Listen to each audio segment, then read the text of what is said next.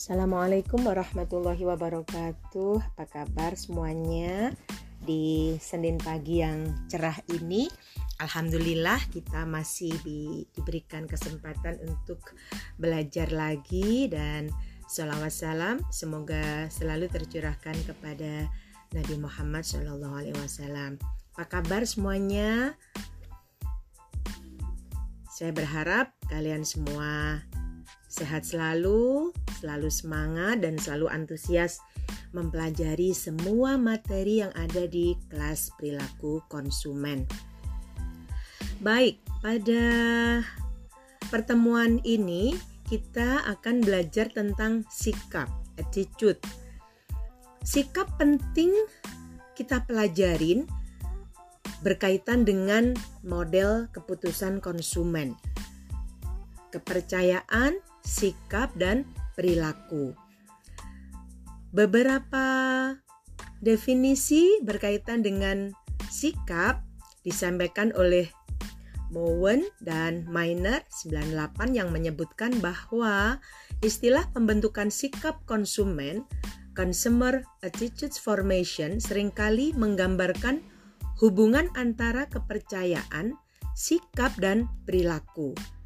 Kita lihat, sikap attitude konsumen adalah faktor penting yang akan mempengaruhi keputusan konsumen. Konsep sikap sangat terkait dengan konsep kepercayaan, belief, dan perilaku behavior.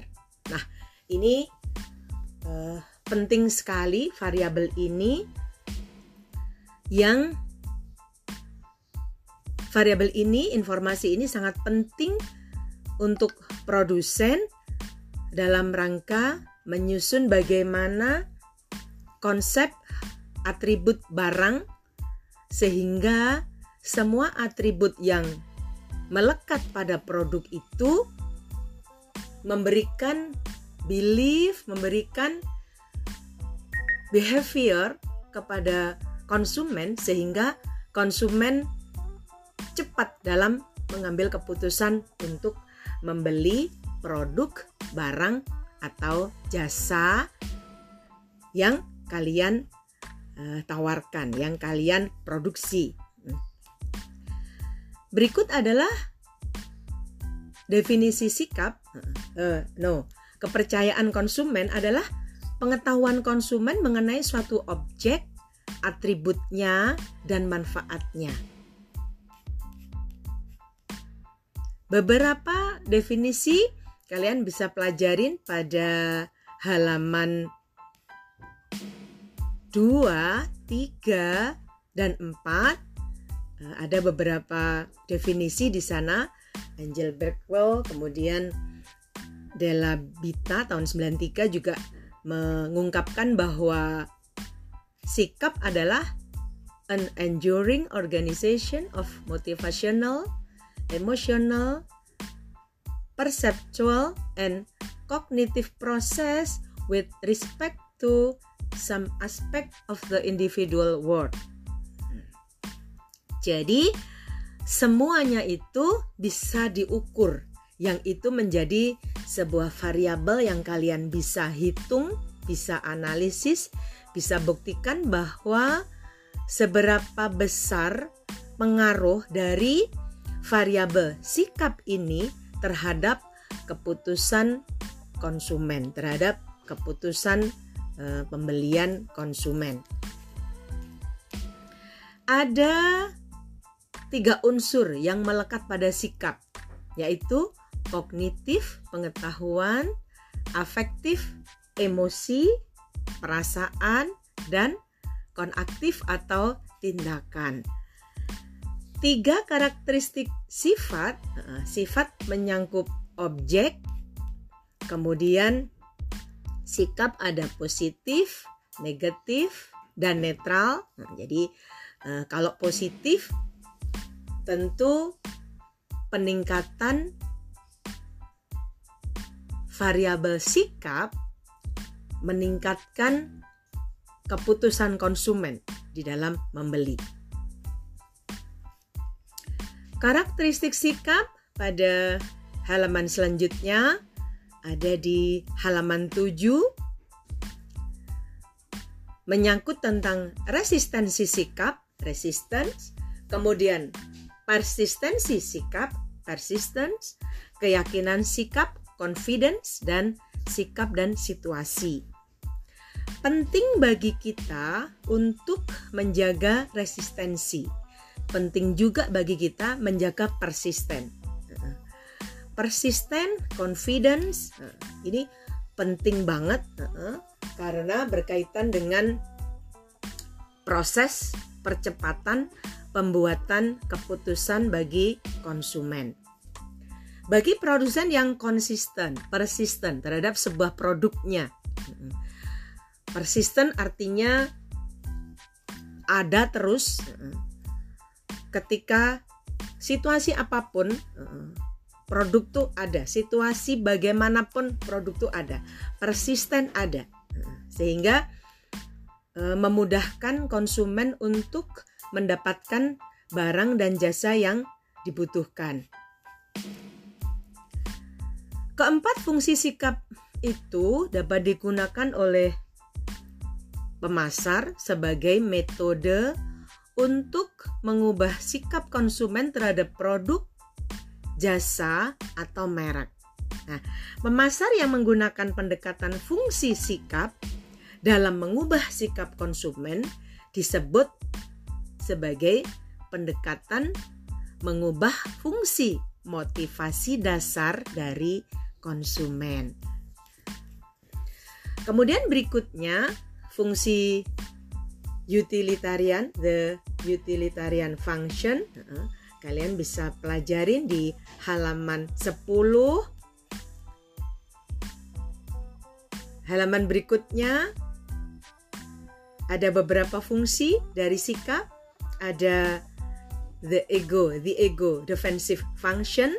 Kemudian ada the value expressive function, halaman 12. For the next PPT kita bahas fungsi pengetahuan, the knowledge function.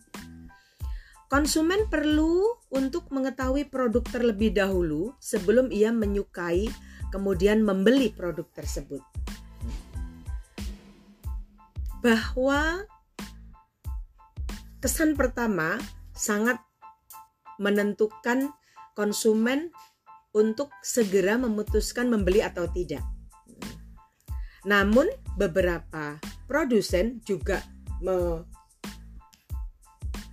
mengeluarkan biaya cukup besar untuk iklan. Nah, jadi iklan yang diputar berulang-ulang, berulang-ulang pada prime time itu juga sangat mempengaruhi, sangat bisa mempengaruhi konsumen dari yang awalnya belum tertarik menjadi tertarik. Hmm, kemudian eh, proses selanjutnya adalah uh, membeli.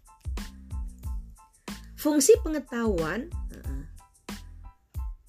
pada aplikasinya juga bisa diterapkan di dalam packaging. Jadi Eh, contoh kalian pada halaman 14 eh, ada packaging susu kedelai bubuk instan di mana kepasan produk ini juga memberi pengetahuan kepada konsumen berupa manfaat produk dan kandungan gizi dari produk tersebut. Jadi penting pada packaging, pada kemasan sebuah produk.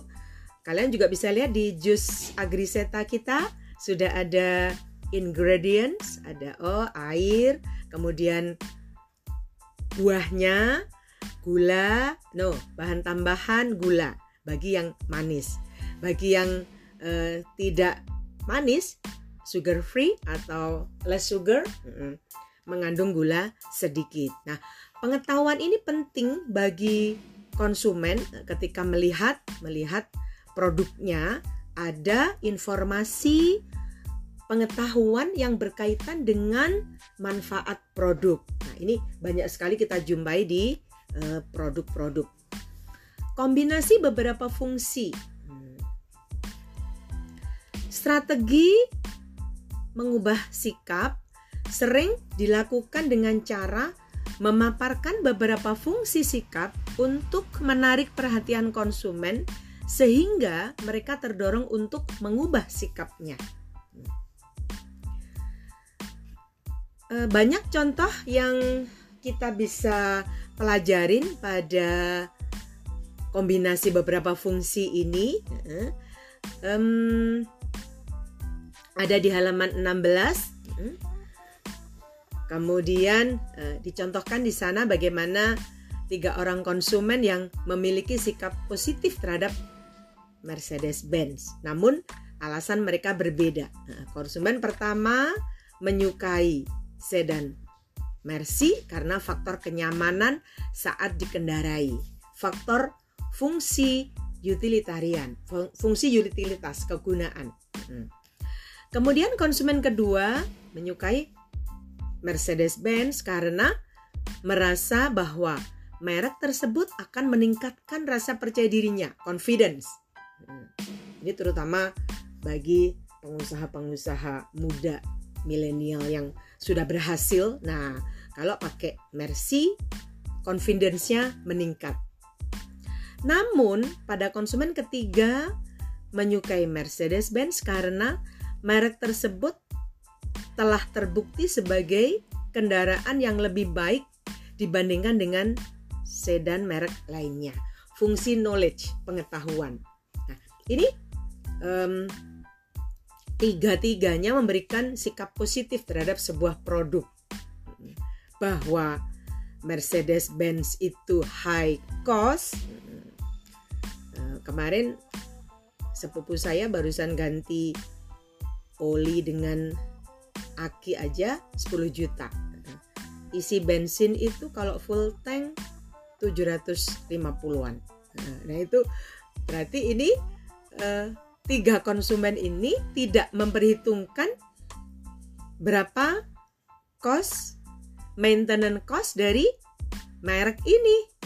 Ini sebetulnya udah terkenal banget nih dan uh, beberapa informasi juga memberikan informasi bahwa harga what is it? Harga harga jual eh, setelah set, harga jual setelah pemakaian bukan kita beli baru ini juga pasarnya tidak mudah sebagaimana Toyota dan lain-lainnya. Tapi konsumen eh ini uh, adanya bahwa tiga alasan ini kita sudah dapat capture bagaimana konsumen pemakai Mercedes-Benz. Kemudian contoh lain lagi di halaman 17 eh, Coca-Cola misalnya hmm,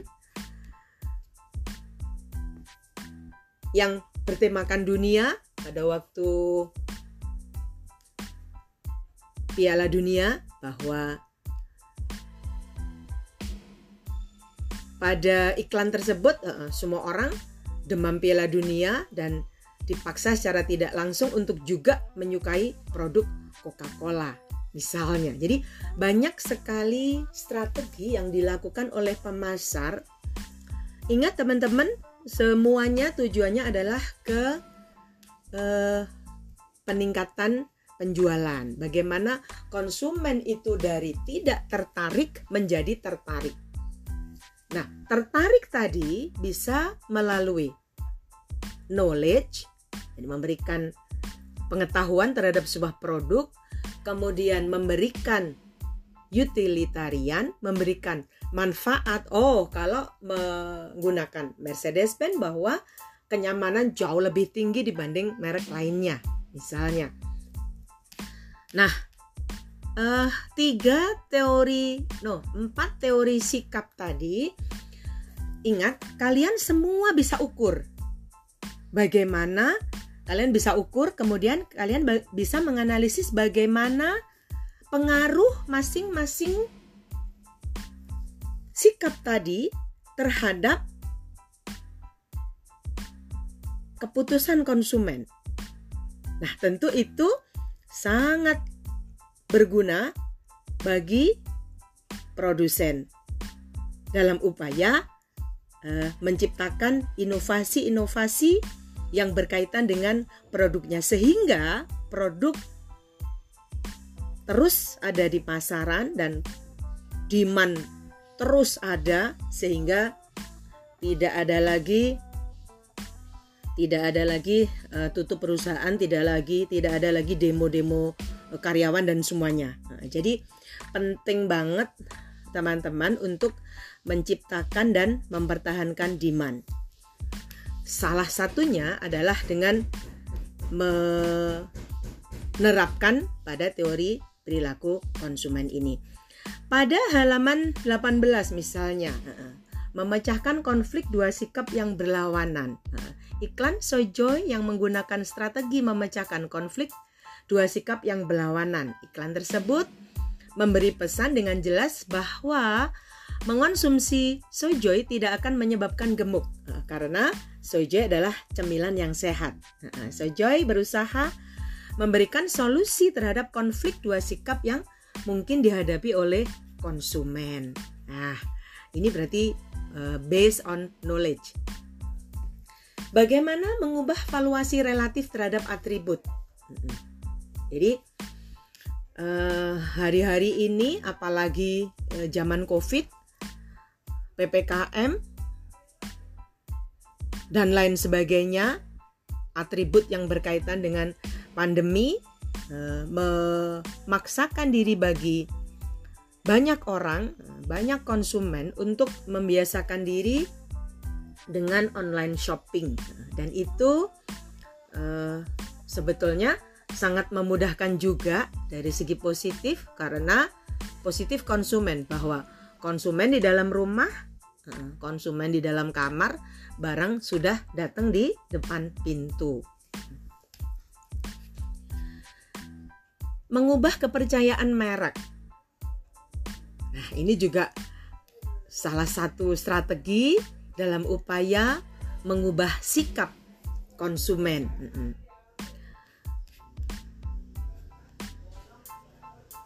Halaman berikutnya kita mempelajari menambahkan sebuah atribut pada produk.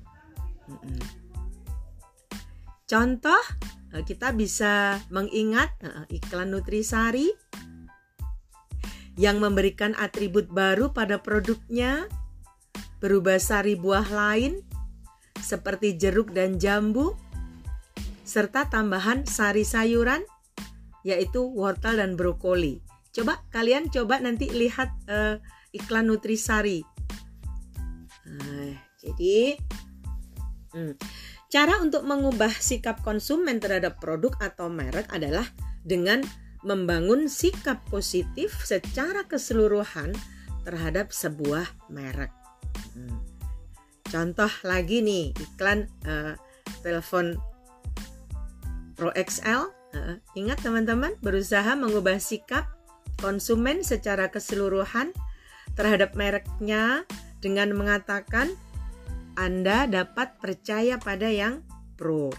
Nah, teman-teman, kalau kita amatin bahwa iklan, nah, iklan ini memang menyerap 30% dari cost of production. Menyerap 30% dari biaya produksi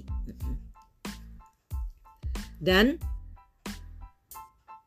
sampai hari ini masih uh, iklan promotion uh, masih menjadi solusi yang luar biasa bagi hampir semua perusahaan baik dalam luar negeri perusahaan nasional multinasional uh, karena itu uh, tadi mampu mengubah sikap kepercayaan attitude value belief bagi konsumen makanya 30% biaya iklan masih masih uh, menjadi prioritas bagi produsen karena dengan demikian dengan iklan uh, konsumen dari tidak tahu menjadi tahu dari tahu menjadi bisa terpengaruh nih. Apalagi kalau sudah iklan-iklan kosmetik uh, itu sebetulnya kan menjual mimpi saja tapi ya itu apalagi perempuan sangat mudah itu uh, tergoda untuk uh, iklan yang berkaitan dengan kosmetik. Model sikap uh, yang tadi komponen kognitif, afektif dan konaktif tadi kalian bisa pelajarin pada halaman 27 kemudian 28 hmm, model motre atribut uh, kemudian ada model Fishbane yang juga mengemukakan tiga konsep atribut kemudian kepercayaan evaluasi atribut kemudian ada juga model sikap angka ideal uh, the ideal model point pada halaman 31. Kemudian halaman 32 hmm, ada juga model sikap yang uh, pada prinsipnya adalah model angka ideal. Ini memberikan informasi mengenai evaluasi konsumen terhadap apa yang dirasakan yang sesungguhnya oleh konsumen dan apa yang diinginkan secara ideal oleh konsumen. Model yang keempat Nah, teori sikap beralasan pada halaman 34. Kemudian halaman 35 adalah model teori sikap beralasan sebagaimana disampaikan oleh Peter dan Olsen 2010. Semuanya tadi eh, kalian bisa menuliskannya di dalam sebuah model fungsi. Jadi kalau model sikapnya Peter Olsen ini BI sikap sama dengan W1 dikalikan A B kemudian ditambah W2 dikalikan SN. Di mana B atau BI itu adalah kecenderungan melakukan perilaku atau sikap tertentu Sedangkan AB adalah sikap terhadap melakukan perilaku atau tindakan tertentu.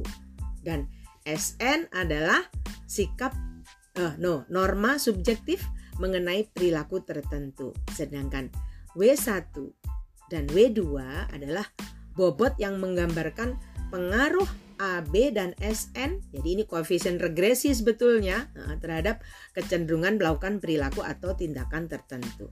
Teman-teman, uh, kalau melihat model pada halaman 36 adalah merujuk pada model regresi umum. Ingat pada waktu matematika ekonomi A sama dengan A plus BX.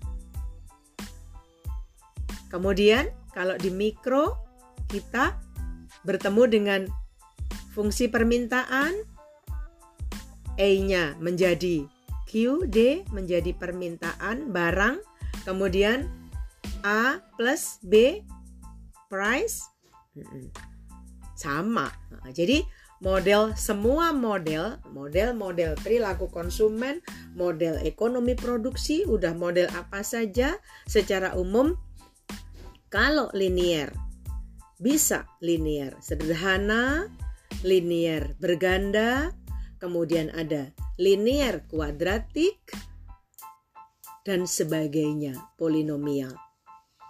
Yang sering kita jumpai kalau di dalam perilaku konsumen adalah yang linier. Artinya peningkatan sikap meningkatkan pembelian atau peningkatan perilaku tindakan tertentu ini dipengaruhi oleh sikap dan norma subjektif. Atau sikap meningkatkan kecenderungan melakukan perilaku. Oke. Kalau AB positif terhadap BI artinya sikap sikap konsumen mempengaruhi kecenderungan melakukan perilaku atau tindakan tertentu. Variabel kedua SN. Norma subjektif. Oke, okay. the next meeting kita belajar tentang agama dan budaya. Nah, ini ada norma subjektif yang mempengaruhi konsumen nah, dan itu kita bisa ukur juga kita bisa analisis juga sehingga kita bisa mengetahui ada hubungan tidak antara norma subjektif dengan kecenderungan melakukan perilaku. Oke, teman-teman sudah tentu lebih banyak informasi yang sudah dipelajarin. Jadi nanti kalau memang ingin penelitian tugas akhirnya berkaitan dengan perilaku konsumen, sudah jauh lebih berkembang. Kalian bisa ngukur banyak nih yang berkaitan dengan sikap, kecenderungan, norma subjektif dan lain-lain. Tidak tidak pada 4P, 7P, 11P, 17P lagi. Nah, namun sudah pada aspek-aspek yang jauh lebih dalam yang itu mempengaruhi konsumen, mempengaruhi perilaku tindakan konsumen. Jadi sudah lebih detail lagi, sudah bisa. Modal sikap keempat ada attitude toward behavior komponen dan norma subjektif, subjektif norm about behavior. Nah, juga bisa dituangkan dalam model halaman 439 itu norma subjektif merupakan penjumlahan dari BK, MK, di mana BK adalah kepercayaan normatif untuk melakukan perilaku atau tindakan tertentu, sedangkan MK adalah motivasi yang sejalan dengan kelompok acuan ke K. C adalah jumlah kelompok 1 sampai dengan K. Semua bisa di ini juga kalian bisa penjumlahan itu kan juga regresi linear berganda kan? SN sama dengan B1 M1 ditambah B2 M2 B3 M3 dan seterusnya sampai semua motivasi atau kepercayaan yang mau kalian ukur sejumlah berapa. Tinggal susun aja modelnya, kemudian model diuji, setelah dapat data diinterpretasi, diinterpretasi. selesai. Halaman 41 teman-teman ini um, model sikap kelima ada cukup variasinya tinggi jadi sikap terhadap sukses, harapan terhadap sukses, sikap terhadap kegagalan, harapan terhadap kegagalan, sikap terhadap proses. Yang itu mempengaruhi terhadap sikap untuk mencoba. Nah, kalau sudah mencoba mau nih, kemudian intensitas untuk mencoba nih berapa? Intensitas mencoba dipengaruhi oleh norma sosial terhadap mencoba. Kalau sudah intens mencoba, tentu harapannya adalah kemudian beneran membeli. Jadi eh, banyak kita jumpai kalau dulu zaman sebelum Covid itu adalah tester-tester yang dari sebuah produk yang kita temui di banyak di pameran, kemudian di supermarket dan lain sebagainya. Dalam rangka itu, konsumen memaksakan diri mau mencoba terhadap sebuah produk. Nah, dengan mencoba, oh ternyata enak nih rasanya kalau kopi. Nah, ini kalau saya biasanya uh, udah langsung membeli gitu. Model sikap yang keenam hmm, adalah model teori perilaku terencana, teori of plan behavior. Hmm, ini berarti konsumennya memang eh, betul-betul melakukan perencanaan terhadap proses pembelian sebuah produknya. Hmm. Kalian bisa pelajarin di halaman 43 yang itu juga linear. Oke, model model matematika TPB perilaku terencana teori behavior juga dimulai dari attitude toward behavior. Kemudian proses menerima ada subjektif norma subjektif norm kemudian intention kemudian perilaku. Nah, hubungan itu kita juga bisa tuliskan dalam model sebagaimana halaman 44 PI sama dengan ATB kali WI ditambah SN kali W2 ditambah PC kali W3 sampai seberapa banyak sikap perilaku yang kalian mau ukur, kalian mau analisis, kalian mau lihat. Oke. Nah, model itu nah, nih di halaman 45 jadi sebagai var, uh, dependent variabelnya, variabel dependent yang mau diukur adalah kecenderungan minat atau niat konsumen untuk melakukan perilaku atau tindakan tertentu. ATB, pembentuk fungsi yang pertama adalah ATB, sikap konsumen terhadap perilaku, kemudian SN norma subjektif, yang PBC adalah persepsi terhadap pengendalian perilaku. W1, W2, W3 itu sama dengan koefisien regresinya. Kalian mungkin sering bertemu dengan BI, B1, B2, B3 atau alfa 1, alfa 2, alfa 3. Sama aja. Di sini dituliskan adalah WI yang itu menunjukkan seberapa besar ketika terjadi perubahan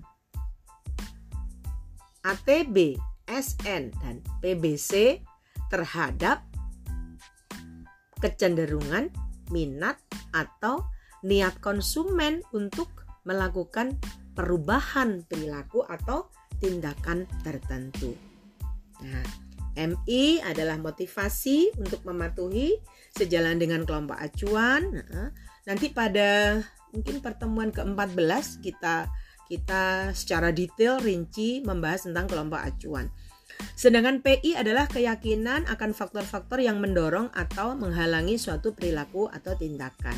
CI adalah kekuatan faktor yang mendorong atau menghalangi perilaku.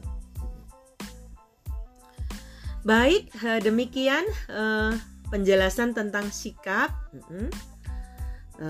Eh, kalian bisa pelajarin pada PPT halaman 45 ini. Nah, PPT ini uh, diadopsi dari buku Perilaku Konsumen Consumer Behavior dari Profesor Ujang Sumarwan. Kalian bisa mendownloadnya di Google Scholar. Uh, dari sekian buku banyak uh, ratusan mungkin ribuan buku perilaku konsumen uh, baik bahasa Indonesia maupun bahasa Inggris. Buku ini saya pilih karena cukup detail dan uh, cukup mudah untuk difahami dari semua materi perilaku konsumen. Selamat belajar. Uh, sampai ketemu minggu depan. Sukses selalu. Jangan lupa untuk protokol kesehatan cukup ketat. Uh, kita masih tidak ada kerumunan.